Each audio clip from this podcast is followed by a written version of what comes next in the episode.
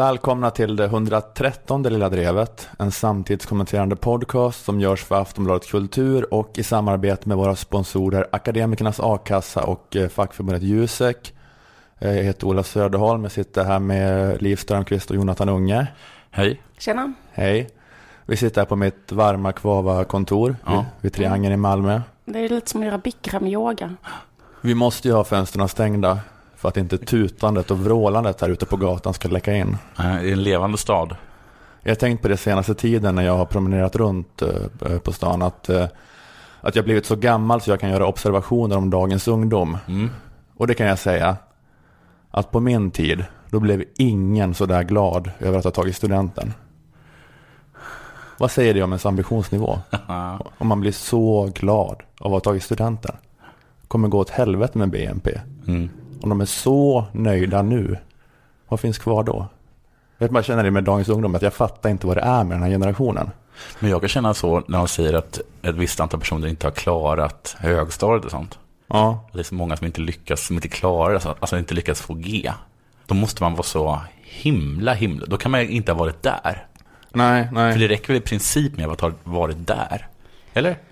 Nej, men jag... Jag tror att jag försökte få underkänt i matte i gymnasiet. Det gick inte. De bara satte alla som inte hade godkänt i en kurs. Och alla som gick där, de fick godkänt. Ja, men bedriften är ju att ha varit där. Ja. Och det var ju det man visste, att man hade aldrig ansträngt sig, man hade bara varit där. Ja. Så därför var man inte så jävla glad. Nej, jag var ju bara där. Jag var bara där. Ja, men jag fattar inte vad det är med den här generationen. Jag tror ingen har blivit så där glad över att ta studenten på hundra år. Det är det jag tänker när jag ser dem. Att det verkar som att du har tagit studenten 1916. Jag vill gå fram och fråga, vad är det som pågår? Är du en enkel sadelmakardotter från Åkarp som är den första i din släkt att avlägga studentexamen? Är du det? Är du en sån här lortig statare i en Ivar Lo-Johansson-roman som övervunnit ditt öde att vara jordarbetare istället blivit student? Trots ditt överbett och din dumma uppnäsa som signalerar plebejiskhet, dumt proletariat och ofina vanor. Är det så? Eller är det 2016 och är du så här glad över att tillhöra topp 90 procent? Tänk vad glada de ska bli när de går ut i socionomlinjen. Om de är så här glada nu. Jag fattar inte. Alltså, men studenten i Luleå för 15 år sedan, det var på riktigt en dag. Det var att man gick ut och mötte föräldrarna på skolgården. Ett fast handslag, Fast handslag. en snabb eh, shot av farfars brännvin. Och sen, Inte ens det. och sen sattes man på tåget ner till Stockholm för att, göra, för att, för att skaffa sig en utbildning. Säger man det till dagens ungdom så tror de den inte. men det är... Ja, men det var bara det. Det var Ja, det en var dag. En Det dag. var en bal som kanske hälften gick på. De som var mest uh, normisar och vanlisar. Mm. Nu ska det firas i månader som om det var så här, Kim Jong-Ils födelsedag. För att man har uppnått topp 90 procent. Men det är väl inte att alla firar det, det är väl bara att det är olika skolor som tar studenten olika dagar. Det är väl inte liksom en skola som åker runt på stan i flera veckor. Jo, men de har ju, de har ju väl så här fester i flera veckor. Ja, men det hade vi i Stockholm också. Åker. Det hade Ja, men också. det- jag tycker det verkar avvikande att inte fira att man har tagit studenten. Man firar väl liksom för att det är kul att fira. Ja, det kan, jag tänkte att det kanske är att det är så i Stockholm, att det är en sån uh, Stockholmsstek-grej som har spritt sig över hela landet nu. Att, jag kan förstå att det var så alltid i Stockholm, men det var absolut inte så Nej. i Luleå Nej, det på min inte. tid. I så fall höll de det väldigt hemligt för mig. att de, att de kanske firade. bara var mobbad. Det, det vill jag säga. Nej, men jag fattar inte varför de är så glada. Nej, De har inte gjort ett skit. nej. Nej. Jag förstår att det här kanske känns som en oraffinerad gubbspaning. Gå runt och vara vara sur på studenterna på stan. Men alltså ta studenter, man kan ju dressera en schimpans till att göra det. Jag har åstadkommit mycket mer än dem. De är ingenting jämfört med mig. Mm, nej. Absolut inget. Nej. Men jag är ändå inte så glad. Jag är ofta ganska så irriterad och oroad. Ja, det är faktiskt sant.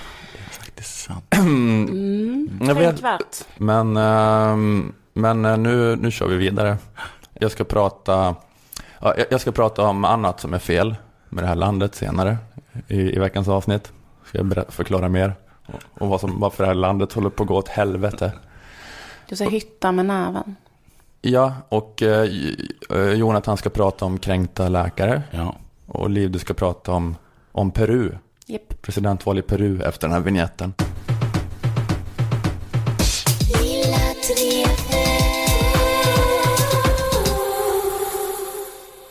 Det har varit eh, presidentval i Peru i veckan. Och valet har varit extremt jämnt. Eh, Det är fortfarande inte eh, avgjort tror jag. Det är inte 100% avgjort. För att det är så himla jämnt så att man måste liksom... Man räknar verkligen varenda eh, röst. Verkligen räkna rösterna. Det skiljer typ 47 000 röster bara. Mm. Och valet stod i alla fall mellan Keiko Fujimori, Mm. som är dotter till den numera fängslade ex-presidenten Alberto Fujimori, Just det. som sitter i fängelse för korruption. Och hennes motståndare är då företagaren Pedro Pablo Kuczynski. Ja, det var PPK. pest och kolera du. Ja, Nej. jag ska försöka hänga med det här. Jag märkte att jag varje gång det här om Sydamerika på Godmorgon Världen till exempel så zonar jag ut. Mm. Jag hör aldrig vad de säger. Nej. Nej, jag vet. Jag vet att du känner så. Det är, jag- Du har också, så du inte riktigt... Jag har också lite svårt för Sydamerika. ja, det är Jag kan eh, aldrig riktigt engagera mig i dem. Dilma Rousseff har problem. Mm. Aha. Och sen så börjar liksom en apa spela symbol i mitt huvud i en kvart. Tills Lotten Collin är färdig. Och det handlar om något, eh, något intressant igen. Mm, jag vet. Stöttande. Stöttande inför pratan. Men jag vet, jag vet att det är så att båda ni två eh, hatar Sydamerika. Ja. Jag tyckte, kan inte, jag, tyck, lite jag tyckte inte att hon bjöd till om min spaning om att studenterna är lite högljudda. Tillbaka kaka. Det är väl, jag får väl göra vad jag kan för att skjuta ner det här. Mm. Det är ett väldigt vanligt råd i, i vad heter, parterapi. Ge igen. Mm. Nej, det är det inte. Vill du ha rättvisa eller vill du ha hämnd? Då tänker man hämnd. Nej men jag, ehm, jag vet inte. Jag, men jag, jag tycker att det är konst. Jag tänker att de kan ta bort Sydamerikabevakningen. Jag vet redan allt detta. Jag har redan läst det på din Twitter. Jag läser högt från din Twitter. Det står så här, Olas Twitter. Är det bara jag som zonar ut så fort någon börjar prata om Sydamerika? Så mycket snark på den kontinenten. Ny tweet. Lägg hellre ner Sydamerikabevakningen än vegorätt. Men fan. Så, lät, så låter det. Där. Jonathan, Ja. din inställning till Sydamerika Ja. har ju fått namn i ett helt avsnitt av Lilla Drevet. Ja. Nämligen avsnittet Less på Sydamerika. Ja, men Eh. jag, jag fattar att man kan rapportera om det ibland som en rolig kuriositet. Men det känns som att det är en stående kvart varje vecka i Godmorgon Världen. Mm, Sydamerika-reportaget. Ja. Så ska det vara något jävla skit från Bolivia eller Argentina. Att eh, Lotten Collina träffar någon poet. Och, alltså, det, det, känns inte, det känns faktiskt inte rimligt tycker jag. Det känns orimligt. Nej, Det är orimligt mycket. vad bra. Då har vi fått din Twitter nu både som ljudbok eh, och vet du, ljudfil för de som inte har, kan läsa.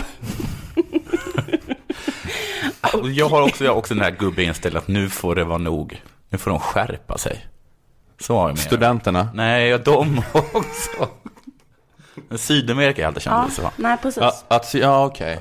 Ja, men Jag, för jag har inga invändningar om vad som pågår i Sydamerika. Det är bara att jag inte bryr mig om det. Ja, okej. Men eh, jag tänker i alla fall fortsätta. Mm. Eh, återberätta Lotten Collins eh, kvart Mm. i eh, Godmorgonvärlden. Vi hade de här två eh, kandidaterna som är väldigt jämna och båda de här partierna är då höger och vill ha en marknadsliberal ekonomisk politik. Och eftersom båda de kandidaterna tillhör högerpartier så finns det många peruaner som inte sympatiserar med någon av dem. Faktum är att många hellre skulle vilja se en helt annan president. Eh, många vill se en helt annan president. Men det här är ju inget som intresserar er två. Ni hatar ju Sydamerika. Eh, ni två hatar Nej Sydamerika. men jag hatar inte Sydamerika. Jag kanske Det- gör det lite. Ni Okej. är ointresserade av Sydamerika. Jag är ointresserad av det. Det är en Är oenigmatisk kontinent. Inget pirr i magen. Nej, jag förstår. Finns det något som ni två hatar mer än Sydamerika? ja, det skulle kanske i så fall vara kockar. I förra avsnittet av Lilla Drevet så sa du, eh, Jonathan, så här om kockar. Kockar!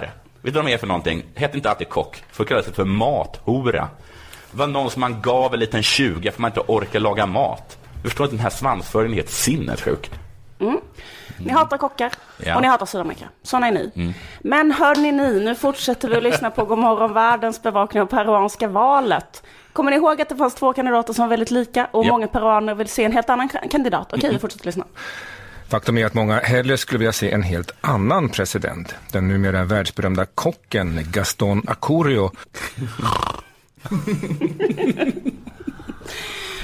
Du klagade ju i förra avsnittet över att, eh, Jonathan, över att kockar liksom har fått för hög status i samhället. Eller oj, oj, oj. Varför håller människor på att se upp till Leif Mannerström, klagade du. Ja. Bara för att han kan göra en god sås. Ja. Men det här är alltså ingenting jämfört med hur fruktansvärt hög status Gaston Acurio har i Paris. Eh, Författaren Ivan Thies eh, beskriver honom så här. Om Gaston Acurio hade ställt upp i presidentvalet så hade han säkert vunnit.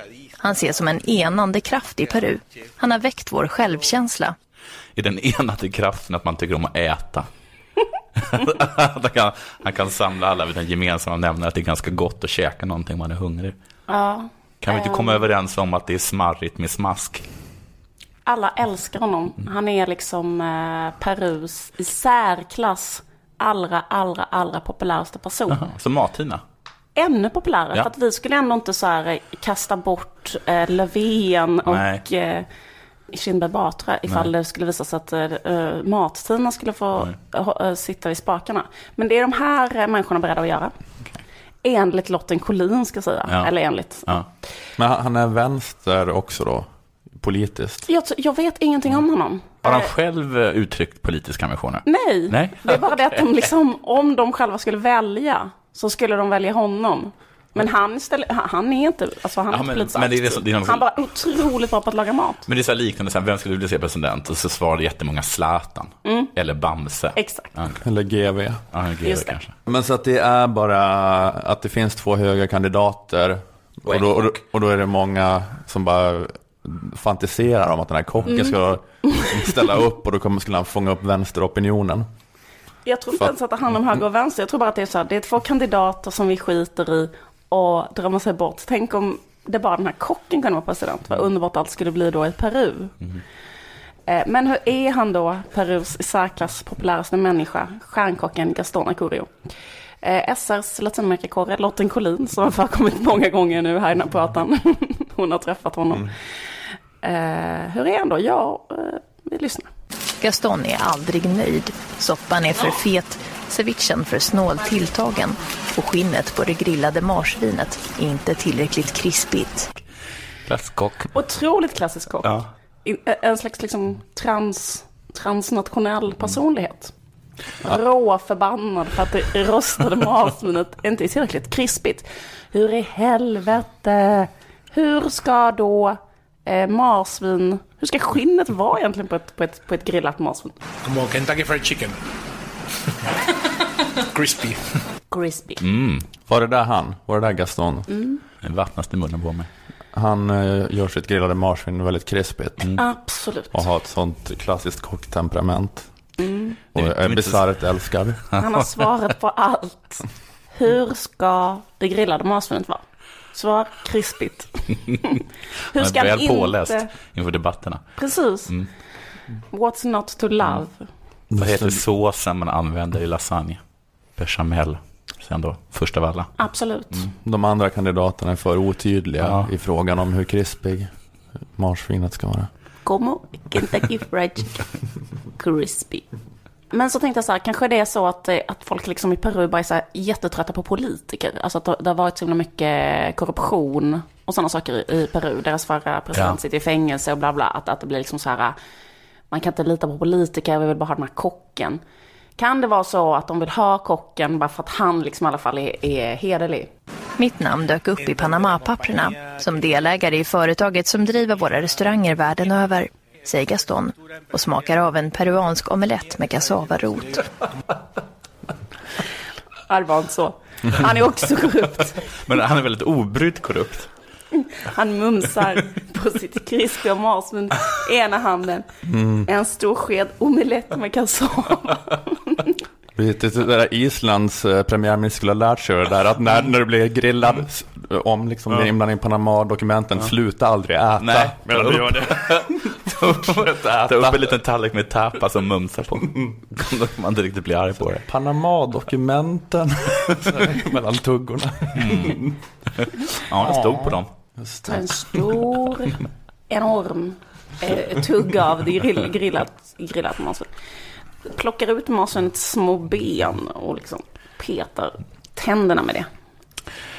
Ja, Är det bara Peru som har en, liksom en, em, ett kök som har nått någon sorts internationell uppskattning i Sydamerika?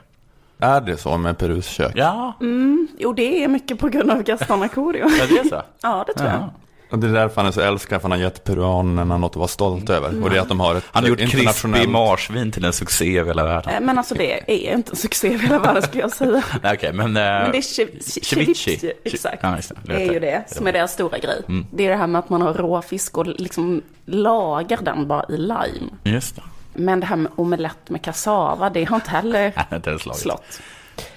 Nej, jag De vet, tror det är Peru. Det är ungefär som att vi tror att Rob, lite Robin, är lika stor som Madonna nu ungefär. Ja. Att det, det är den stämningen där som de har kring sin mat. de bara, det är som det franska köket ungefär. Precis som alla älskar det italienska köket, det franska köket, så är det så att alla numera äter marsvin och um, omelett. Jag kommer ihåg när jag var i, eh, i Saigon, eller Ho Ho Chi Minh City, så åkte jag dit med stor, stor glädje för att jag älskade Palme. Jag tyckte det var så kul att komma dit och få ta emot alla hyllningar för att jag var svensk. Och att jag skulle sätta på folk som sa Sweden from Sweden. Olof Palme. Olof Palme. Jag ska bara high-fivea det genom Ho Chi Minh City. Ja. Ja. Så kom jag till, åkte till deras krigsmuseum och så hittade jag liksom inte ett enda tack till Sverige. Det fanns en liten, liten, liten bild någonstans på en demonstration på Norrmalmstorg. Den var lika stor från Oslo. Mäh. Nej, det var inget särskilt. Jag ville inget särskilt. Jag ville bara berätta för er två att, eh, jag vet inte, ni kanske trodde att det var ett problem att folk liksom dyrkade douchiga kockar I Sverige. i Sverige. Men det är inget emot hur det är i Peru. Det här gör mig inte mer vänligt inställd till Sydamerika. Nej, precis. Det är också så här, varför vi vill inte bara ge dem all stjärnstatus utan också all politisk och ekonomisk makt. Varför inte? Han lagar så otroligt god sås. Men det finns liksom inget bakom det här att han skulle vara politiker annat än det. Än att han är en populär kock. Han har aldrig sagt något. Han har ingen... eh, Alltså för att om jag ska vara Mm. helt ärlig så tror jag att det är så här, som du säger så har ju Lotten Collin en kvart. liksom, Hon måste fylla den. Hon måste fylla den. Ja. Och då kanske hon tar en sån, jag bara liksom, vad heter det, spånar nu hur hon, jag har inget på fötterna. Men jag tänker att hon sitter och bläddrar igenom en dagstidning och ser den här eh, typiska undersökningen. Vem vill du Ja. helst se som president? Och hade det varit Sverige hade det varit Astrid Lindgren eller. Zlatan eller vad det. Och Och då det, ser hon, ja det är Gaston okej men då åker jag här till kockskolan och så blir det en kvart av det. för om vi nu skulle åka till Peru och intervjua peruanen på gatan om varför de är så tokiga i Gaston. Så och skulle de bara vara så här- Vad menar du? Ja. Ja, han är bra. Alltså det här är som om vi skulle vara i Peru och så skulle de säga, jag hörde ett reportage på peruansk radio om att ni vill ha Leif GW Persson som president för att han är bra på att... eh, Vad talar du om? ja. Står jag mellan Batra och Löfven?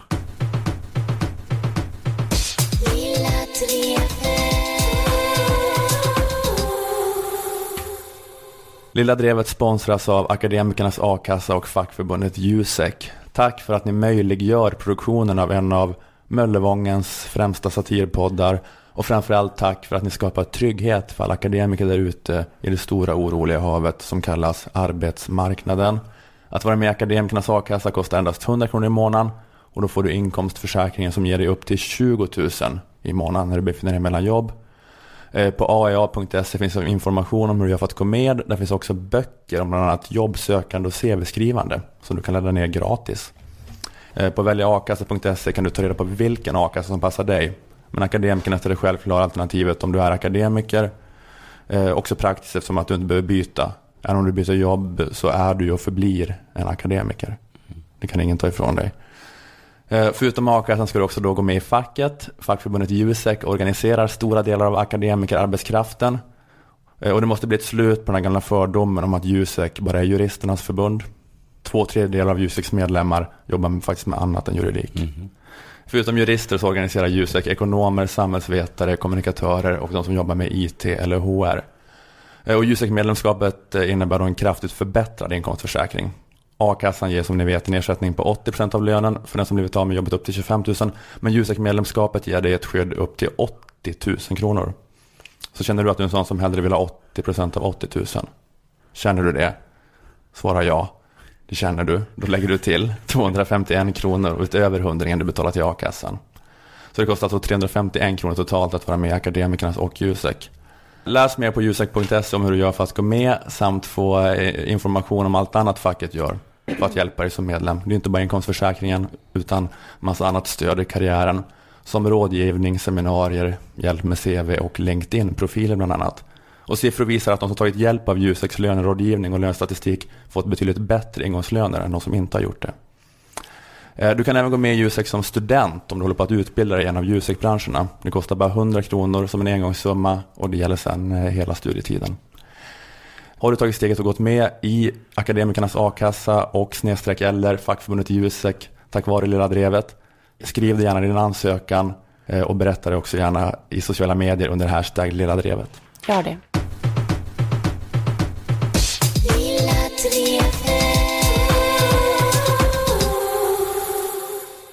Jag tänkte börja med att berätta en historia. Mm.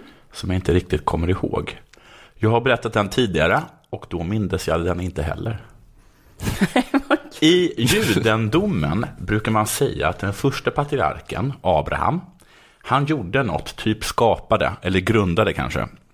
Och den tredje patriarken, Jakob. Jakob ja, han däremot gjorde något annat, kanske förnyade. Men den andra patriarken, Isak, han bevarade ungefär, eller upprätthöll. Och det är lika stort det. Det är det rabbinen ville att ni skulle ta med från den här berättelsen. Tänk på det när ni tycker att någon gör något utan någon sorts uppfinnarrikedom. Något. När man, ni märker att någon gör något som de kanske gjorde exakt likadant veckan innan. KIT, eller KIT, eller vad det heter, är en sida på internet. Eh, ingen riktigt vet vad det är för något. En nyhetsbyrå? Nej. Svenska är ju- Huffington Post, har jag hört någon säga. Laila Bagges och Niklas Wahlgrens son heter ju just Kit. det. Okej, men då är det inte den sidan. Eh, De brukar göra videoklipp, bland annat som lägger upp, som handlar om kanske plast i havet. Eller hur man gör en riktigt smarrig tortilla till helgen. Men de har ju också journalister också anställda. journalister. Som, eh, det var ju det uppmärksammade reportaget om BDSM som det var stormade lite om till exempel. Just det. det gjorde de. Så kan det vara att, att journalisterna på KIT ena dagen får göra något om BDSM och eh, nästa dag så landar uppdraget om hur man gör ett smarrig tortilla. Det var en riktigt masochistisk tjej som skrev om BDSM. Ja, just det, var där, det var sätt, Så att hon den. skulle få riktigt jävla mycket spö. Just det. Vilken twist på den historien. Tydligen så gör de också klipp eh, där kanske, låt oss säga, transpersoner eller queer personer berättar vad för kommentarer som de får höra. Eller liksom utsätts för. Som det är som en bild på dem på massa olika sådana, sen så berättar de vad de, vad de får höra. Lärare har det också varit. Så de får berätta liksom vad de får höra för Ja, just det. Men det är ju Ja, rätt vanligt. fördomar och sånt. eh, Det är, Det är ju ett ganska vanligt grepp. vanligt grepp. Exakt. Mm. Jag, jag har sett också det, mm, alltså till exempel Näthatet var det väl? Ja. Ja. människor med funktionsvariation Just det. Eh, har också gjort exakt den här grejen. Att Exakt. man då läser upp hat som man brukar få för Ja. att man ska förstå så här, det här är den här människans vardag. Mm. Ja, och precis näthat som ni sa, ganska olika. Ja, men typ så att så journalistkvinnor i Uppdrag granskning satt och läste upp vad näthatare sa. Just det. Och nu har turen kommit till afrikanska rullstolsburna homosexuella före detta barnsoldater som kommit hit som ensamkommande flyktingbarn. De är även vänsterhänta och de kan inte rulla på ärren. Inte nog med att de inte kan använda sina ben, de kan inte säga rulltårta, utan det blir typ lulltårta. Ungefär. Så får man höra vad de säger för kommentarer. Flytta på dig, lövhuvud. Ja, ja. Nej, det var ju ett skämt. Nu har turen kommit till läkarna. Har Jaha. de kommit. Och det här är vad läkare behöver stå ut med. Okej, men du måste ju vara så här typ A-barn, jättehögt IQ, bäst i klassen. Du kan ju ta notan då, eftersom du är läkare. Ditt jobb är ändå meningsfullt om jag får med mitt. Jag skulle aldrig kunna vara läkare. Jag klarar inte av blod. Är du läkare? Men du ser så ung ut. Hörni, vi kan vara lugna. Vi har en läkare i sällskapet. De utsätts för humble brag. Men du, eh, det här, är det på, på riktigt? Är det meningen att det ska vara att det är jobbigt för dem att höra de här grejerna? Jag hoppas vid Gud att det är på riktigt. Annars kommer jag vara en driftkuckus i flera dagar.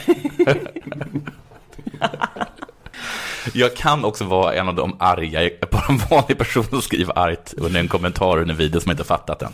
Den här risken får man ta ibland på grund av tidsbrist. Okej, det var en parodi på kränkthetssamhället. Ja. Och dumma, dumma Jonathan fattar inte. Det skulle kunna vara så. skulle kunna vara så. Vi hoppas vid Gud att det inte är så. Nej. Men det är en chans som man får ta ibland. Nu blåser vi på utav bara helvete. Nu chansar vi. Men är det jobbigt för dem att höra? Ditt jobb är ju meningsfullt. Ja, det låter helt sinnessjukt. Så det låter nästan som att det här är ett skämt. Nu blir jag hemskt orolig. Hur som helst så innehåller det inte bara eh, skryt. Det innehåller även en lite nedlåtande ton mot vissa patienter och vad de kan be en läkare om, eller säga till en läkare. Jag har faktiskt googlat mina symptom. Jag är så rädd för sprutor. Det gör så himla ont nu doktorn. Och jag har normalt väldigt hög smärttröskel ska du veta. Nej men det är inte klokt hur vården funkar. Kan inte ni styra upp det? Hallå, jag vill träffa läkaren tack. Den, eh, den är bäst, tycker jag. Den sista. Att att de så ofta hör folk som vill träffa en läkare. Men det handlade det om att det var att vissa tycker att killar är läkare bara? Och så är hon tjej? Jaha, det är så, så skulle det kunna vara, men det spelar väl inte så stor jag, i, min, i, mitt, I mitt huvud är det bara att de får höra så här, eh, är någon, jag vill träffa en läkare. Och så säger någon läkare så är det, ja, vet du vad jag skulle vilja träffa? Typ en bartender. Som gav mig en trya. All den här skiten jag är tvungen att stå ut med just nu. Okej. Du har en Det enda som möjligtvis skulle kunna göra att det här inte är ett totalt skämt är att de även tar upp folk som vill ha kristallterapi och sånt där. Det är ju på riktigt dumt. Jo, jo, men jag menar, det är inte så, det kan inte vara så jobbigt. Alltså jag menar, om du är läkare, Ja. eh, så är väl inte det jobbigaste på ditt jobb att någon eh, säger så här, jag vill ha kristallterapi. Det kan ju inte vara det. Det kan inte vara det. Så- Utan det jobbigaste måste ju vara att eh, man liksom eh, eh, berättar för ett barn att det ska dö i cancer och sånt. Jag vill liksom att folk är aggressiva eller liksom Ja men exakt, det kommer in så här, eh, vill ha knark eller någonting. eller att man så här liksom fumlar när man gör, Ja. gör kirurgi och någon dör och sånt och så kommer Uppdrag granskning dit. Sånt måste ju vara jobbigt. Men, äh, äh, Det var så att de skulle ha sagt det på den där videon. ja. Varför felopererade du mitt barn så att det dog? Sånt måste jag höra på jobbet. Jag ska återkomma lite till det. Så här, jag såg dig på Uppdrag granskning och du hade opererat in eh, en plastbit i någons hals. Jobbet Var han jobbet. med? Hej, jag heter Jan Josefsson. Ah. Och så då att jag är ett A-barn. Det är de två jobbigaste grejerna jag får höra. Nu spelar det inte så stor roll om det här var påhitt eller inte. För jag är helt övertygad att men, exakt så här tänker läkare. Så även om det var en drift med fördomar så biter inte det på mig. För jag är helt övertygad att de är så här. Om det, om det inte är sant så borde det vara sant. Om det inte är sant så borde det vara det. Eller om jag så här, om de påstår att det inte är sant så ljuger de. För Ja. ungefär så här är det. Vi har ju talat lite tidigare om kockar Ja. och deras höga status. Jag vet inte om ni minns det, det var förra gången. Och för en kvart sedan. Och för en kvart sedan, och det var lite därför jag hade den här ganska intressanta anekdoten om de tre patriarkerna. Och hur det inte är något fel att göra något igen. Nej. Förstår ni? Du bevarar din spaning. Jag bevarar min spaningar. Du, är- du är inte en sån som förnyar eller Nej. uppfinner. Du bevarar, fast, ja, fast du byter ut yrke varje Jag tror vecka. att det var Sylvester Stallone som sa, man ska göra det man är bra på. Men det är sant. Eller som jag strösslar för mycket berömda citat. Jag älskade senaste Rocky-filmen också. Mm. Så jag håller med om det. Mm, bra. Du berättade tidigare, eller som vi tog upp i förra då, eh, eh, avsnittet av Lilla när vi talade om läkare, att det är faktiskt vi som betalar dem pengar. Det är de, vi har ju anställt dem. De är vår, som du- vi brukar säga i min familj, lilla människa. Kockar menar Vi har du? skaffat en liten människa. Kanske någon förr i min familj. Inte nu- Det ska inte nu självklart. människa till farmor. Ja, precis. Ja, jag Mm. fattar. Mm. Inte nu. Så, så är ju kockar. Ja, just det. Jag Så tycker som att så är ju även läkare. Ja, Jag, det är som att jag går till en massös, så är det som. Jag tycker inte det är så himla stor skillnad att jag går till, men kanske en massös eller någon på ett spa. Jag går till ett spa. Så vill jag bli behandlad när jag går till en läkare. Så blir ju inte jag behandlad när jag går till en läkare. Jag tycker oftast att det handlar att det handlar tvärtom. Att det är, jag är tvungen också att, att på något sätt nästan bevisa min åkomma. Eller att jag är kanske till och med tvungen att vänta på en läkare. Jag kan tycka det är lite konstigt att jag är tvungen att vänta på en läkare. För att du är där Ja, det är väldigt ger- sällan ger man kommer till ett 20. spa. Eller hur? Ja. Och så säger de att eh, spa-människan kommer 20 minuter kanske. Det är Och ganska sen många kommer före. spa-människan och säger sluta röka, ät inte Ja, röker godis." du, säger spa-människan liksom. Det är ju en helt sinnessjuk fråga. Det har inte med saken att göra. Och det är ju för att läkare har hög status och det är ganska få om dem. Varför är det så få? Jag har hört att det är läkarnas fel, att det är en sorts konspiration. Att läkarna ser till att det är så himla få utbildningsplatser i Sverige, så därför finns det nu en brist på läkare. Och brist på läkare leder till höga löner. Det stämmer ju. Har Visst stämmer det? Ja, visst, det Att jag stämmer. inte är galen där. Utan det, här, det här är faktiskt en av de konspirationsteorier som faktiskt är på riktigt. Men det är ju som att de Och det är alltså har... läkarna. Läkarna älskar pengar så mycket, Mycket. så att de vill att människor ska dö i väntrum. Ja, Och de, eh, då, då, då blir det så att de får vara stafettläkare och tjäna en miljon i veckan. Eh, Och eh, det tas från våra skattepengar. du sa det. Och de menar också att de, att de ska ha så himla bra lö- lön för de har så himla himla lång utbildning. En utbildning som egentligen aldrig tar slut. Och de blir, så här, De åker sex, de blir sexuellt upphetsade av att människor dör i väntrum. Jag tror att Läkarna. det är, man har väldigt sällan träffat på en läkare som tar Viagra. De behöver bara gå ut och se sina döende patienter i korridoren för att få den att stå. Ryktas det om. Dessutom så är ju svenska läkare så himla, himla dåliga. Svenska läkare är kanske sämst i världen, tar jag i. Europa, där är jag hyfsat nära sanningen. Väldigt många svenska läkare åker ju, lämnar ju det land som de har sett till att inte ha några läkare för att tjäna ännu mer pengar utomlands. Det är väl eh, en typisk svensk läkare att göra. De åker bland annat till England och tjänar storkova. Bryr sig inte om att de har sett till att det inte finns någon utbildad vikarie hemma i gamla Svedala. Så åker de till England och tjänar jättemycket pengar. Hur har det gått där då? Jo, ska ni få höra. Från en artikel på Svenska Dagbladet från 2012. Nej, 2009. Från en artikel i Svenska Dagbladet 2009. Det blir bättre och bättre det här. Ja, men ni kan tänka er hur, om de var dåliga 2009, hur himla usla de har blivit nu. Så här är det. Eh, när den lokala, det här är från en, eh, från en, eh, från en utredning de har gjort i Storbritannien Eh, angående svenska eh, ortopeder som åker dit. När det lokala sjukvårdsområdet synade hur det hade gått för de omkring 250 av patienterna som opererats av 20 läkare från mestadels Sverige, men också Danmark, mestadels Sverige, upptäcktes det undermåliga resultat. 22 procent, eller nästan var fjärde person, hade, fått göra om mot normalt 2 procent för den typen av ingrepp med inhemska läkare. Mhm. Bland annat var, protes, eh, var eh, proteserna slarvigt insatta av fel storlek eller modell enligt den färska studien. Hela 37 procent av patienterna var också missnöjda med operationen. Ett år efter ingreppet hade de fortfarande smärtor och svårt att gå. I sex fall kom brittiska advokater starta processer mot de svenska läkarna. Nu vet inte jag hur det har gått i de fallen, men jag är ganska säker på att, att de fälldes. Är det för att eh, svenskar överskattar sin förmåga att dåliga. eh, prata engelska? De Att svenskar är så att de tror att de pratar jättebra engelska, så de bara, nu åker jag till England och opererar en fot. Så Ja. bara, eh, vad, Vad heter de olika delarna av, av foten? Mm, det vad vet inte de. det här som sticker ut längst fram på foten nu igen? En annan fruktansvärd artikel från SVT 2015. Nästan 50 000 svenskar bär på en genetisk defekt som kan förkorta deras liv med flera decennier. Men svenska läkare är dåliga på att hitta de drabbade innan de insjuknar till stroke, hjärtinfarkt och kärlkram. Kärlkram? Kramp. Kramp kanske är. Kärlkramp. Åderförfettning till exempel. I Nederländerna hittar läkarna drygt 70% av fallen. Och i Norge nästan hälften av fa- av fallen. I Sverige hittar man mindre än 4%. Det låter uselt. Så uselt är det. Så himla, himla uselt. Svenska läkare är också erkänt usla på kommunikation. Artikel från Svenska Dagbladet 2012.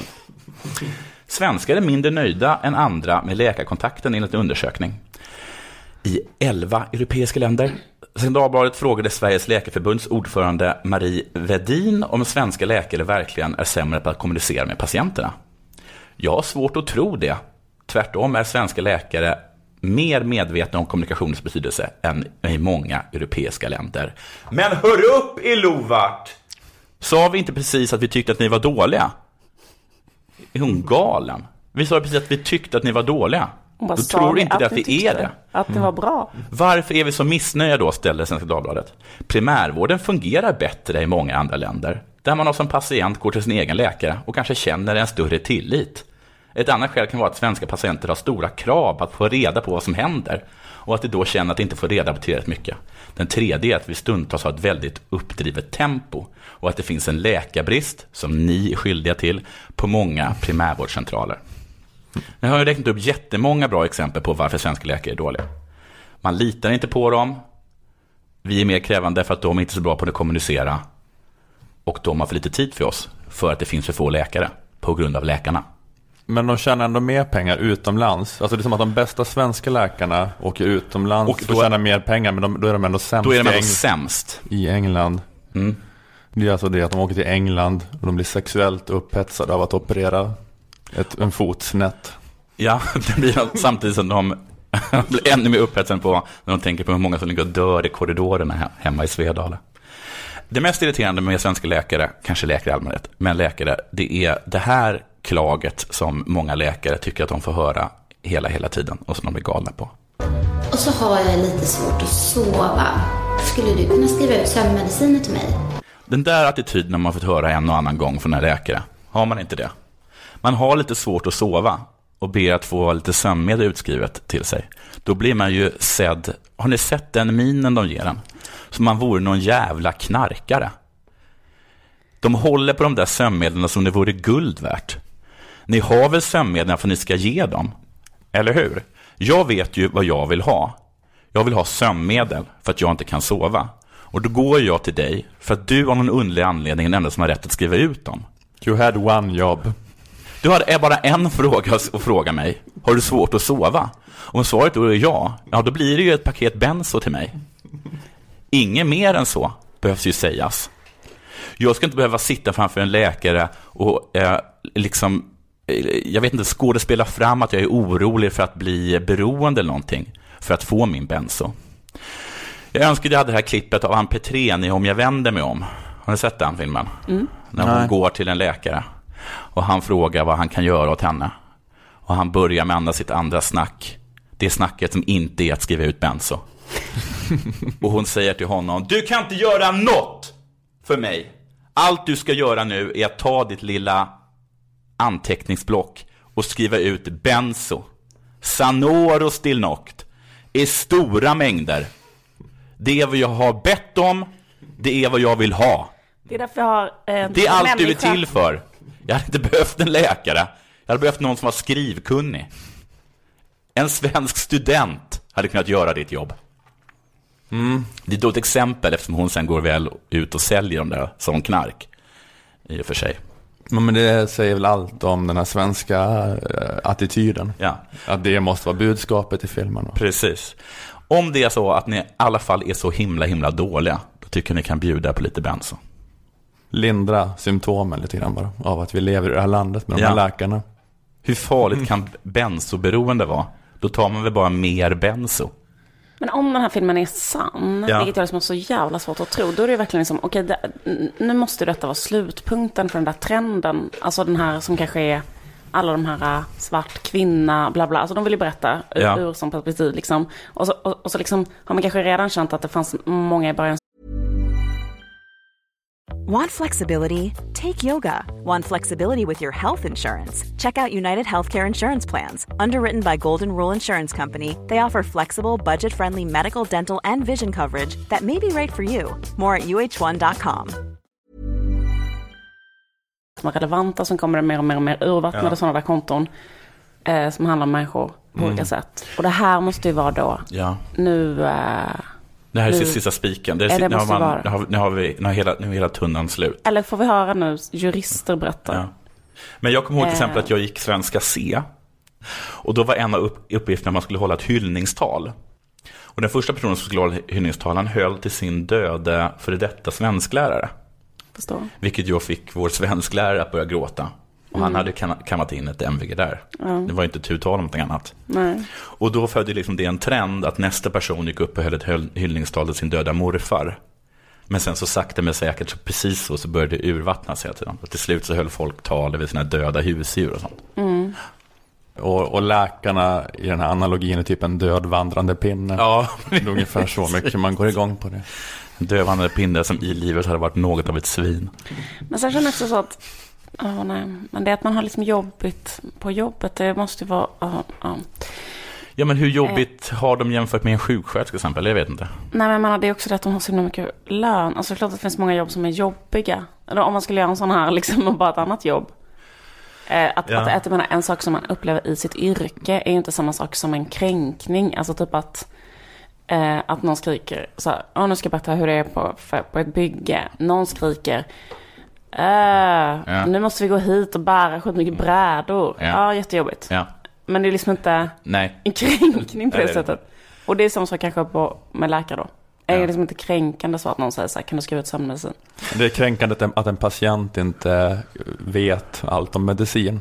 Det var också det det gick ut på. Ja. Att patienter kommer dit och är lite dumma och opålästa om medicin. Ja, patienter som inte gått läkarprogrammet råkar jag ut för ibland. Men eller att de hade googlat själva var också ett problem. Mm. Folk som hade tagit reda på massa Ja, skit. Då var ju det också så här. Hur, hur, alltså man kan, det är helt omöjligt att tillfredsställa en läkare. Förutom om man dör i korridoren. Men däremot, Just det. men så här är Då det blev tror jag. tillfredsställda. Efter. det är, Om ni förstår vad jag menar. ja, ja, men eh, jag tror så här. Sånt att få höra. Att det finns något där vi faktiskt kan lära oss från USA. Det finns väldigt mycket, just de här liksom... eh, Att sluta onanera över liken i korridoren. säger, säger de till mig. Det gör inte de i USA. Men jag tror att det vore bra om man kunde stämma läkare på samma sätt som man kan stäm- stämma dem i USA. Det tror jag skulle få svenska läkare lite på tårna. Nu för tiden kan ju en svensk läkare döda vem som helst. Och- det kostar kanske bara högst 5 000 kronor om, om, om de råkar bli fällda. Alltså det är väl typ så. Jag tror att det, att det var typ så här, att säga, att det är enorma mängder som svenskar dödar, men de får, åker ju aldrig dit. Man kan, man kan inte stämma svenska läkare på samma sätt. Nej, men Men för att amerikanska läkare, de frågar aldrig om man röker. Och, och inte opererar de fötterna fel. Och de skriver ut mediciner så inåt i helvete. Ja, om du inte kan sova, vad ger du en person då? Ett, ett tips om att du ska promenera mer, är inte, inte att kolla på paddan innan du somnar, eller skriver ut lite bens. Ja, men Ja. det finns ju många som också märker att det inte är en förebild ur USA med.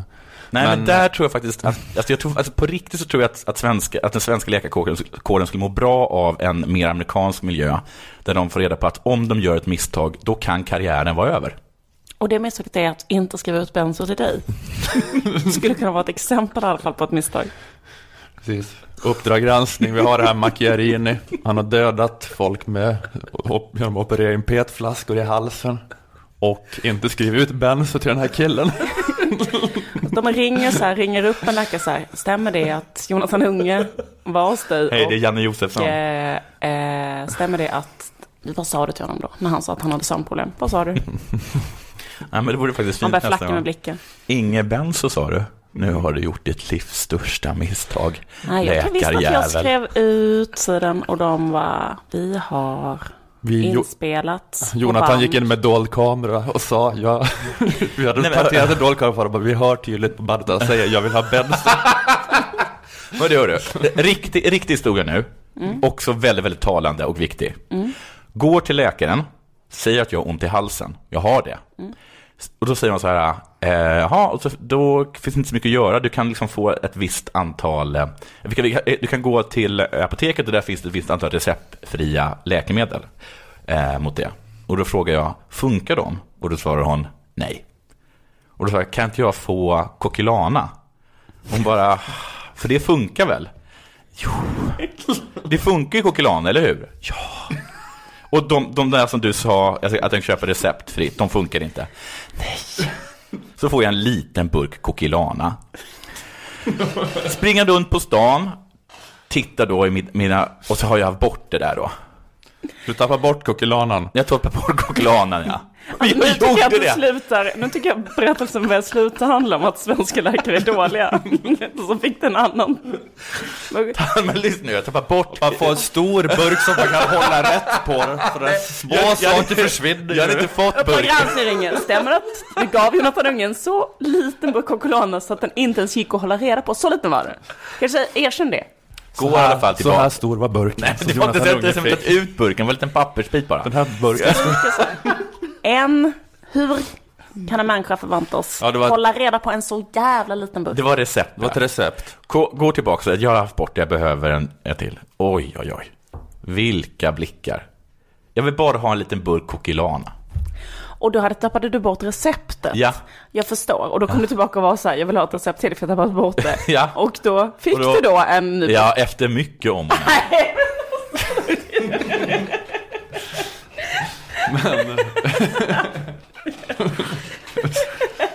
men.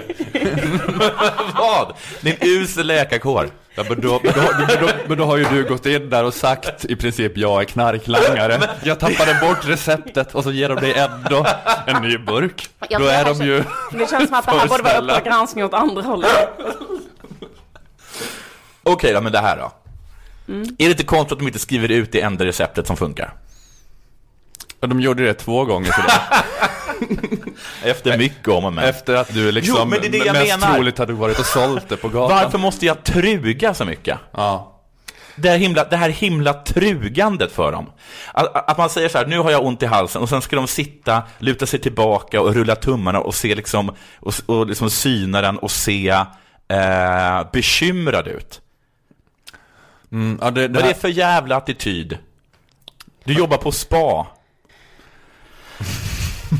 Jag har faktiskt varit med om ett motsatt problem. När jag bröt armen så höll han på här, skulle pracka på mig Imovan. Det står kartor med Imovan. Jag bara, jag behöver inte ens... Vad var eh, namnet på denna läkare? Jag behöver inte ens smärtstillande när ni opererar min arm. Så känner jag inför smärtstillande. För det är um, töntar som vill ha smärtstillande när man blir opererad. Eller föder barn. Människor ska ha lustgas och så vidare. det, men det är olika Då man har... de så här, vill du ha morfin? Jag bara, för vad? Men Jag håller på att tuffa dig bara. Men det är, det är sån... eh, Men, men, men, det, men det beror på vad man har fått för läkare då, för att du hade fått en sån läkare som har blivit bjuden på konferensresa utav Imovan-företaget. Ja. Men det är såna läkare Jonathan vill ha lite oftare då. Mm. Eh, precis. Ja, Ja, okej. ja, men det var jättebra. Det var inte och- kanske samma homeruns mot kockar, men jag tror att vi, att, att ni, att vi alla förstår ungefär vilka, vilka skurkar de är.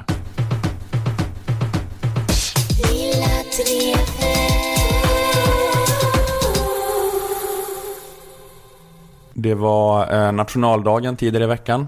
Och ni, Stämmer. ni, Yes. vet, ni vet hur det är med Sverige, vi är i en brytningstid. Mm. Gamla normer och sanningar luckras upp. Ja. Det finns polarisering, det finns splittring och rädsla. Det finns vi och dem, det finns välfärd och utanförskap. Det finns flyktingkris, Panama-dokument. Men det finns också möjligheter och hopp.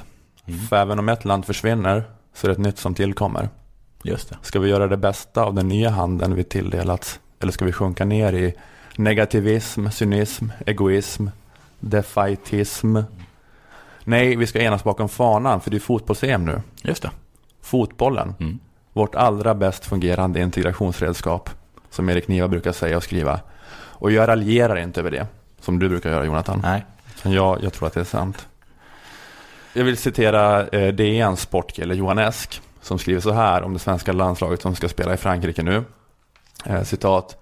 Det här laget kan se till att stolthet slår ut fördomar för en stund, glädje besegrar hat, tro byter plats med oro, om så bara för några veckor.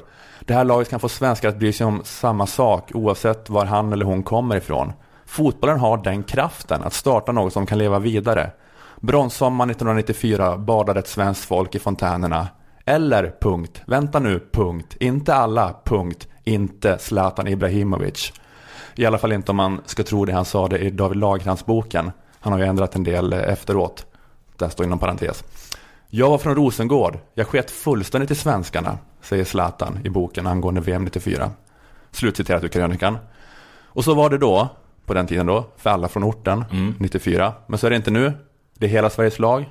Det är U21-guldgenerationen, hashtag nya Sverige. Det är hashtag vi är Sverige, hashtag mitt team. En unik enande kraft. Någonting för oss alla att samlas kring. Vem kan vara emot det här?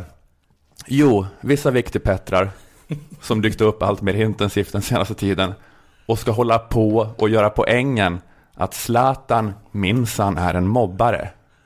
Är det sant? Det är oviktigt. Det viktiga är att det är opatriotiskt och det har vi inte tid med nu. För det, jag tittar bland annat på dig Jonathan, jag Ja. tänker på dig, du har hållit på att driva det här i Della Sport Ja. bland annat. Eh, mycket, den här poängen. Eh, och Lisa Magnusson, eh, journalisten, krönikören, hon skrev eh, en krönika i, i häromdagen i förrgår eh, med rubriken eh, Sluta hylla mobbaren Zlatan. Mm, den har jag läst. Och den krönikan var inspirerad av Alex Schulman som pratade om samma sak i sin senaste podd. Och det är ju, det är ju Sveriges största podd alltså. Att Zlatan har gjort saker som att säga Fan vad ful du är och du luktar illa till journalister. Han ska ha sagt eh, till en nervös 17-åring som hade en misslyckad provträning med Paris Saint-Germain eh, med deras A-lag att citat Gå nu hem och skriv i din dagbok att du fått spela med Zlatan för det kommer aldrig hända igen. Slutcitat. Och Schulmans och Magnussons kritik består då i att i, att i, i Zlatan-bevakningen så vinklas aldrig det här som att eh, Zlatan beter sig som ett as. Utan det vinklas som Zlatans sköna klassiker. Här är listan på Zlatans skönaste citat. Man kunde göra en lista med de skönaste personerna han sparkat i huvudet. Jag har inte försökt köra över Kristina Kapelin. Eh, Sveriges eh, korre i Italien. Han backade lite mot henne så skulle nog göra en grej av det. Ja, just han sparkade Ant- Antonio Casano där. Ja. Det var precis, var rolig, jävla skön grej. Ja, men jag, jag kan känna mig alltid, ja det, det stämmer väl kanske säkert att, att Zlatan är lite av en så här omklädningsrumsmobbare. Att han gillar maktlekar, att han som, stå, som står och snärtar med handduken eh, och skrattar. Men Men det är mycket så att man, man håller på att ta av sig sina svettiga skor och så hör man någon som säger Hallå där, så vänder man sig om och så var han tryckt in sin, sitt ollon i ögat på den. Skrattar alla.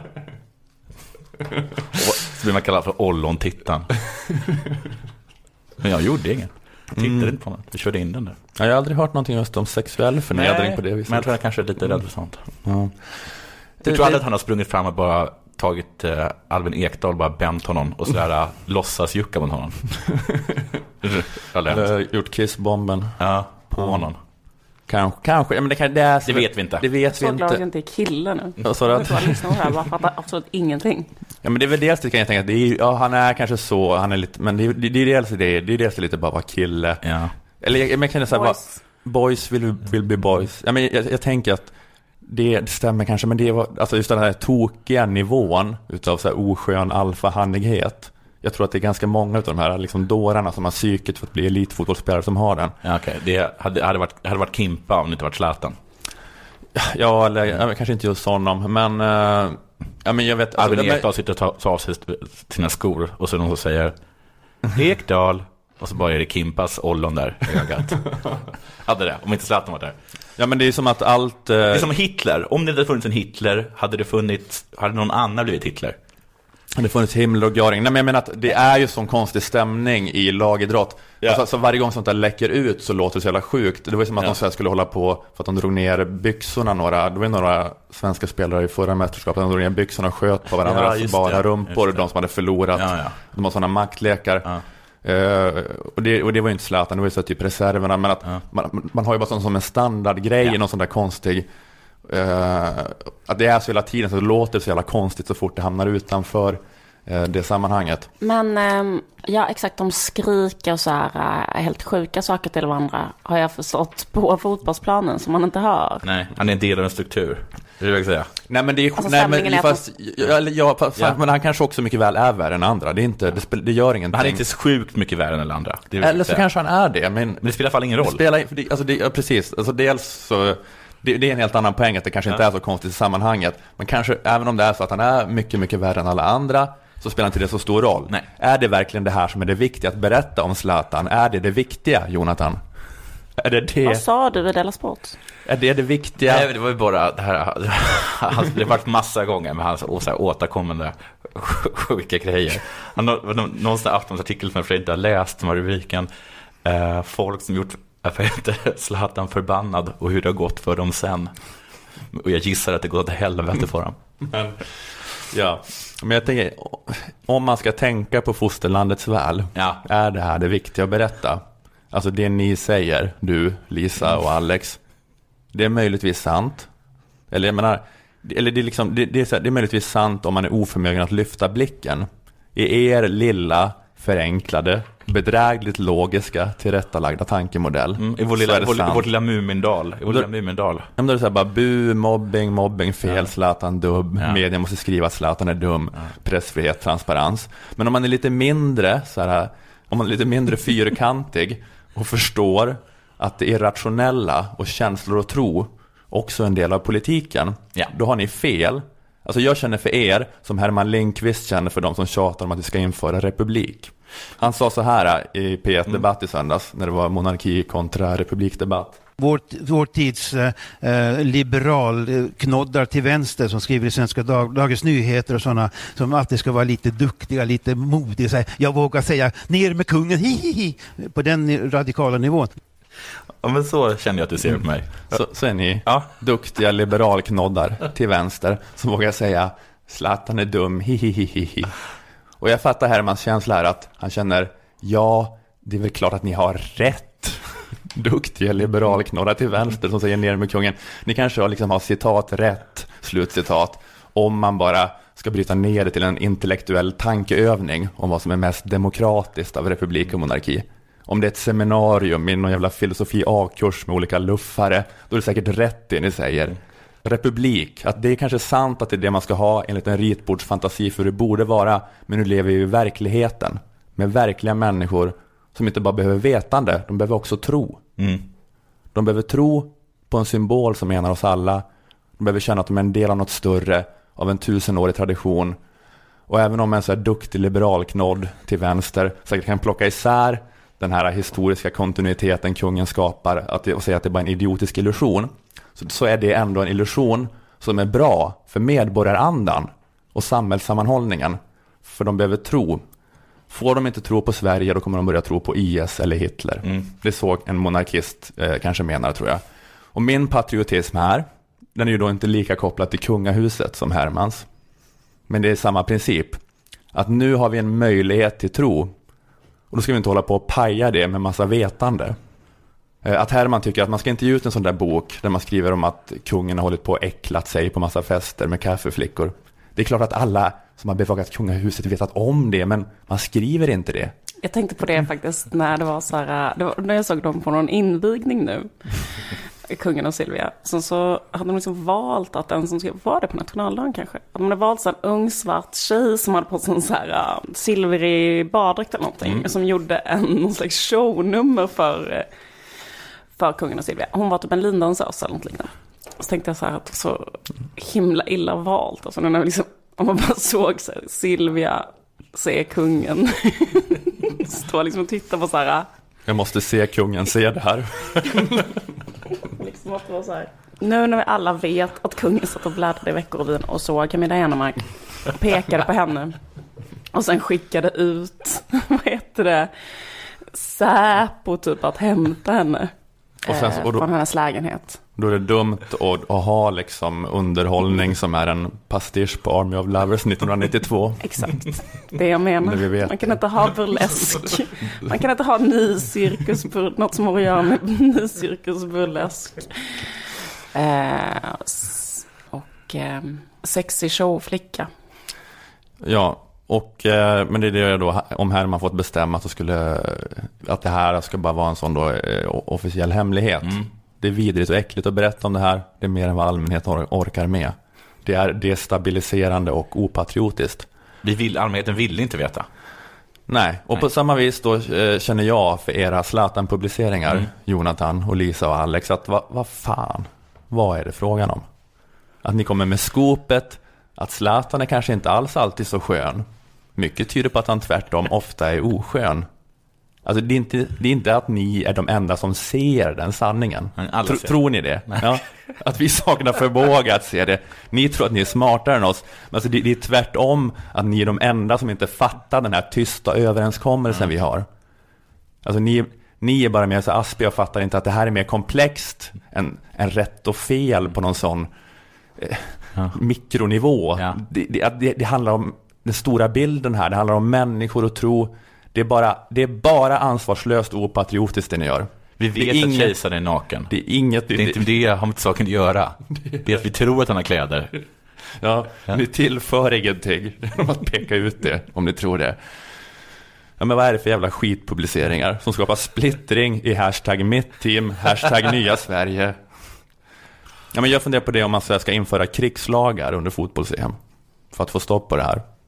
Alltså som man gjorde med Torgny Segerstedt under Ja, andra ja, ja. världskriget. Att, Mm. Att jag, Alex och Sigge, bara under, under den här mån, hal, halva Inte månaden. Sigge, bara Alex. Alex Du menar jag. och Alex och Lisa Magnusson. Att vi, inte få- vi åker upp till Norrland någonstans. Och sen släpps vi.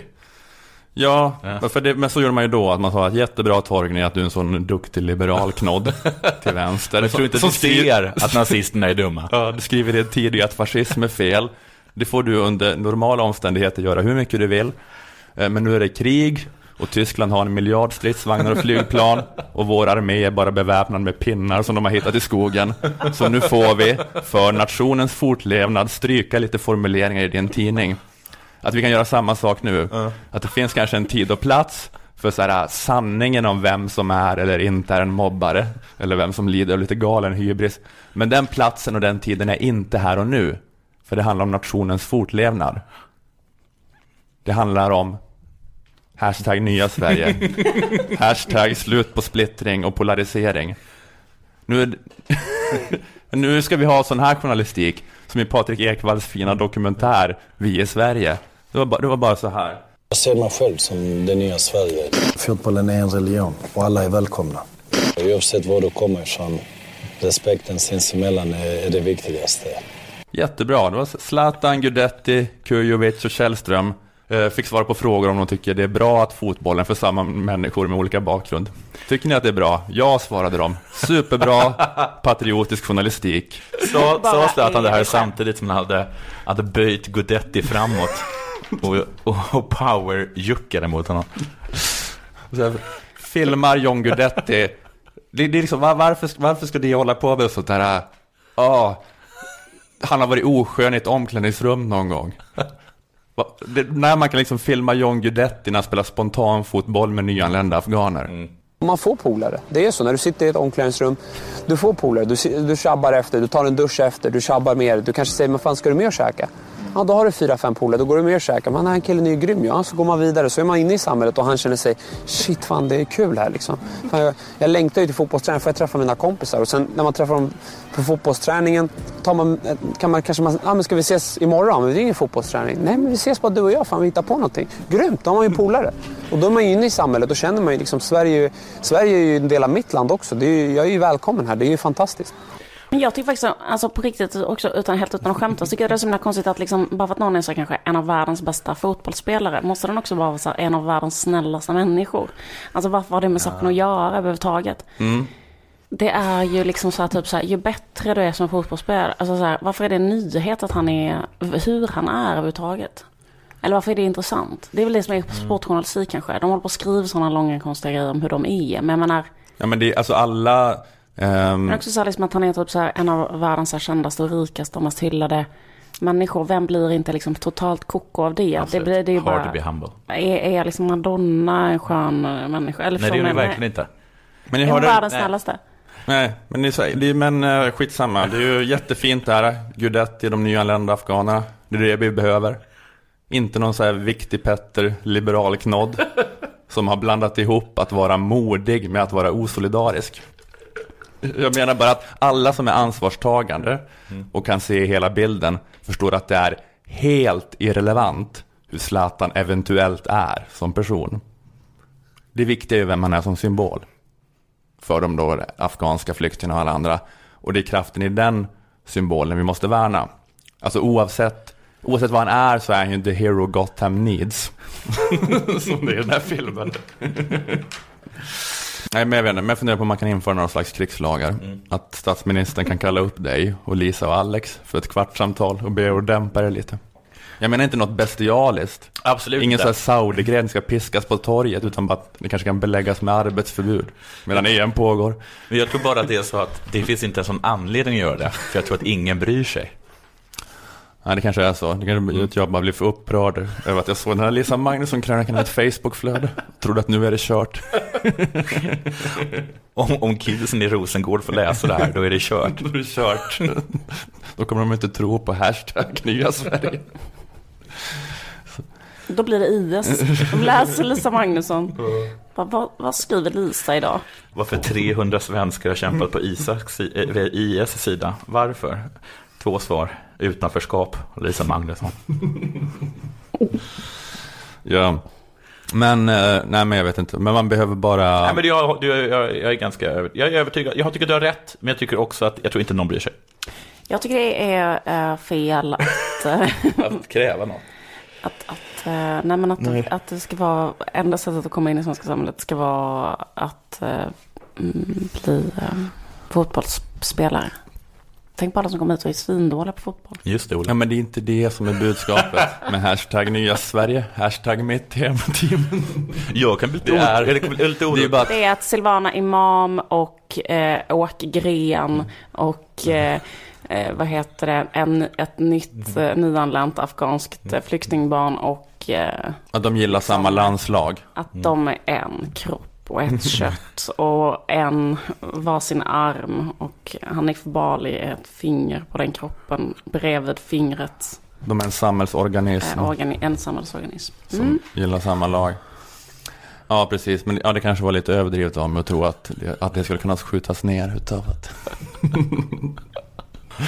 jag, jag är bara lite orolig då över att det, att det är så känsligt där så att det kan förstöras. Utav att någon skriver att Zlatan är en mobbare. Men liksom, jag tänker liksom hela den här grejen med patriotism. Att vad heter det, jag tänker att det bara lämnar med dåligt självförtroende som är patriot alltid. Att liksom, det att Sverige inte har, är nationalistiskt eller har varit det. Det är för att vi liksom vet att vi inte behöver vara det. Så alla i Sverige är så fruktansvärt nationalistiska under ytan. Så man behöver inte hålla på liksom och overdo it med alla folkdräkt och flagga. Precis, att det är alltså också så är det, lite... liksom, det är nästan så att vara ännu mer ägig, alltså i sin bisarra nationalism. Så är ju Sverige. Det är Ja, bara töntiga länder som Norge och eh, liksom, eh, som, som är hysteriskt nationalistiska. Och liksom att, att visa hysterisk nationalism tycker jag bara, det är ju, så, det är ju liksom sådana människor som gör det, är ju liksom sådana som man tänker är liksom inte säkra på att de inte vet att de är snygga. typ. Man kan misstänka att Norge kanske inte är så säkra i sin norskhet. Trots att de genomlevt ett andra världskrig så är de tvungna att lite forcerat gå omkring i bodnad för att för, för, att för varandra lova att de tror på landet Norge. Att de inte är svenskar Fast- egentligen. Fast, Men alltså poängen enligt den här Erik eh, Niva då, histori- historien om eh, fotboll som integrationsprojekt och att det är en brytningstid och att det måste vara det nya Sverige nu. Så är ju det att man kan tycka att, eh, men att, att vi kan vara så självsäkra då, att vi kan tycka att Herman Lindqvist är lite löjlig. Att det gör ingenting om det bubblar upp saker till ytan om kungen och sådär. Nej. Men sen så är det då den här nya berättelsen, att den fortfarande är för känslig och skranglig. Mm, ja, ja. Och då kommer vi behöva lite krigslagar Okej. för att upprätthålla den. Och fängsla Jonathan Unge, Lisa Magnusson Alex Schulman. Eller bara häkta några veckor medan mästerskapet pågår. Vi behöver mera självsäkerhet och trygghet i den här nya nationalismen innan vi börjar. Hashtag nya Sverige är fortfarande precis nyfödd. Den behöver ammas i lugn. Man börjar inte med att kritisera och ett sen- spädbarn. Nej. Och sen liksom när hashtag nya Sverige är Ja. uppe på benen Ja. och är, är liksom en stabil då, Liten, levande organism på samma ja. sätt som kanske gamla sosse-Sverige var. Ja. Då kan du och Lisa Magnusson och Alex Schulman få skriva en Just vit det. bok om Ja. hur Ja, okej. Zlatan har hållit på att föra upp flaskor i analen liksom på olika lagkamrater. Men nu måste vi vara lite krigslagar Ja. här. Nej, men jag köper det.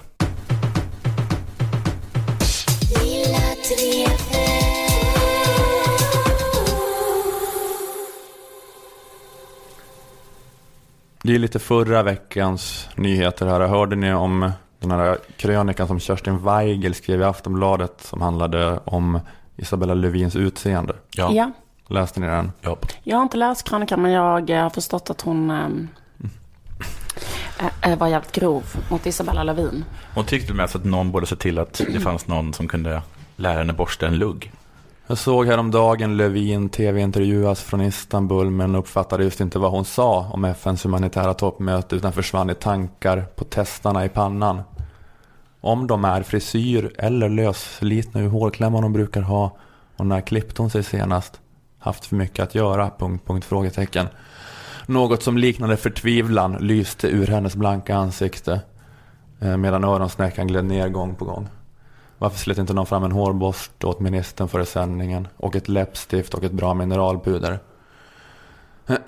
ja, men lite så var den och eh, det var det var ju så lite tråkig också eh, eller alla Twitter reste sig som en person och prata om hur vidrig Kerstin Weigel var. Mm. Så att man, eh, det, man fick ju bara avsmak. Det kändes som att det var nazism att vara emot Kerstin Weigel. För att alla var det så tydligt som ja. en person. Så att man nästan, fast man var, tyckte ju också ja. att det kanske inte var så bra skrivet av Kerstin Weigel. Men man ville nästan, det kändes mindre nazistiskt att heja på Kerstin Weigel. Men man kan, jag ser lite som att Kerstin Weigel är som Rarity i My Little Pony. Mm -hmm. Att det finns någon så här att de alla, de andra olika ponys har olika liksom styrkor och hennes är då liksom att fixa till frisyren och mm. sätta på sig fina kläder och göra kläderna. Väldigt bra hon syr, hon syr kläderna. Och så var det något då liksom, eh, hon liksom anklagades för att vara ytlig.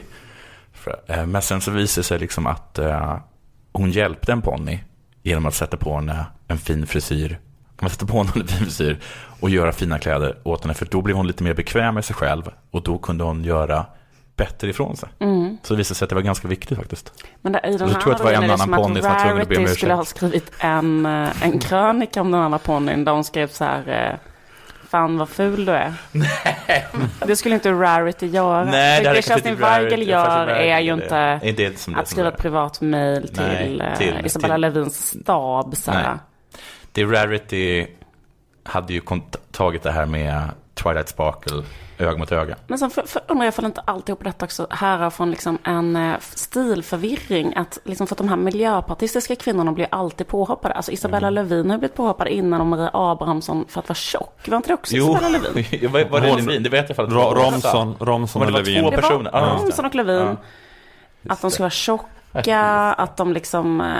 Eh, alltså de, de och, och, då undrar jag om inte det bara är att de, de där, att de där kvinnorna, typ Kerstin Weigel och eh, Marie Abrahamsson, bara inte förstår eh, vad en eh, pyttelite mer casual mm. stil är. Att de är så här, eh, man kan inte ha en lös hårtest eller sådär. Mm. Man bara, har du, vad, va, de vill liksom, ser de inte ut som Margaret Thatcher så är, är det liksom så, så eh, ser de på, på, på dem som att yeah. de inte har eh, Ja, det är att de bara utgår från ett sånt liberal konservativt stramt mode som, som sådana politiker ska ha. Ja, precis. Men även man säger, även om man säger att någon är ful med deras, som rarity då, med mm. deras bästa för sina ögon, så kan det vara svårt att ta till sig. Mm. Ja. Man säger att jag är tjock, fast man bara vill mig väl. Min mamma brukar till exempel lägga fram eh, ett tidningsartiklar där det står eh, om fara med fetma. Mm. Det gör ju hon bara med med mitt allra bästa för mitt. Men det kan vara svårt att ta till sig. Men, eh, ja, men, det, men det här, den här, ja, ja, men det, den är väldigt uttjatad den här. Eller den blev ja. uttjatad förra veckan och alla höll på att förklara varför det var fel. Mm. Så det är lite tråkigt att göra det. Men sen blir det motreaktion. Ja, det blev någon sån motreaktion då för att reaktionen var så kraftig. Ja. Men då var det så att det var ingen tror jag, som gick ut och sa jag håller med Kerstin Nej. Weigel, men, jag håller med om att hon tycker något annorlunda. Ja, jag, jag håller med om att hon, jag är stolt över att hon inte backar över att hon hade fel. Nej, just det. Nej. För, att det var, för det var det jag tänkte på, för, för, det, för det var en bara liten aspekt av den här historien som jag inte hört så mycket om. Så jag bara tänkte att jag bara skulle spela upp ett klipp från det. För att hon var med då i P1 Morgon och inte backade eh, från eh, den här krönikan. Och eh, hon pratade då om att det här handlar inte alls om deras utseende utan att det handlar om att, eh, att hon skrev krönikan för att eh, alltså hon ville driva tesen att toppolitiker bara måste ha en neutral uniform som inte är distraherande. Att det var samma att Stefan Löfven hade någon sån här fackpampklädsel som kanske var någon lite grå skrynklig tweed. Men nu är han då bara i väldigt strama, mörka kostymer Och att det finns en sån uniform som man bara ska ha. Man ska se ut på ett visst sätt för att, inte, för att man ska kunna ta till sig deras budskap. Så att det handlar liksom inte om utseende utan det bara handlar om eh, kommunikation på något sätt. Mm. Och ha en tydlig stil. Och då håller eh, P1 Morgonprogramledaren på och försöker pressa henne om att eh, eh, kvinnor, att det här är någon så här, finns någon sån aspekt av att, att kvinnor måste hålla på och få skit för sitt utseende.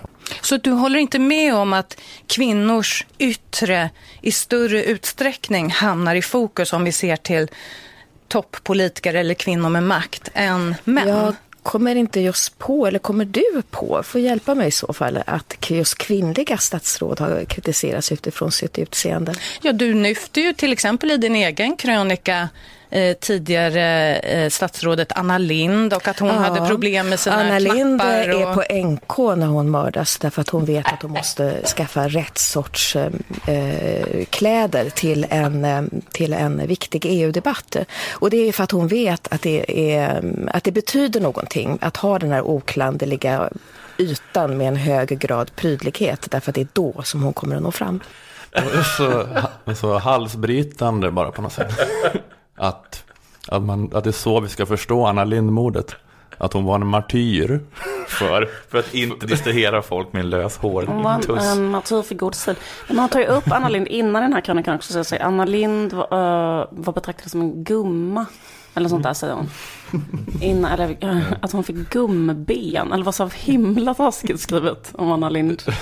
Men hon dog för kampen för oklanderlig prydlighet. Hon liksom, det var... Döden, eh, hon mötte döden på NK. Hon tog risken att gå in på NK. Ja, det var grovt. Men det finns den här I took and run with it. Tycker jag känns lite den känslan. Att hon har försatt sig lite grann i en Ja. sits. Sen Ja. så bara, nu kör vi. Nu tittar vi inte tillbaka. Ja, precis. Men Anna Lind är ett fint exempel på hur viktigt det här är. Med den oklanderliga prydligheten. Anna Lind var redo att dö för den. Och den hängivenheten skulle jag vilja att Isabella Lövin kunde visa upp också. Ja. Det är, jag har aldrig, aldrig tänkt på att det var så vi skulle förstå Anna Lindmordet.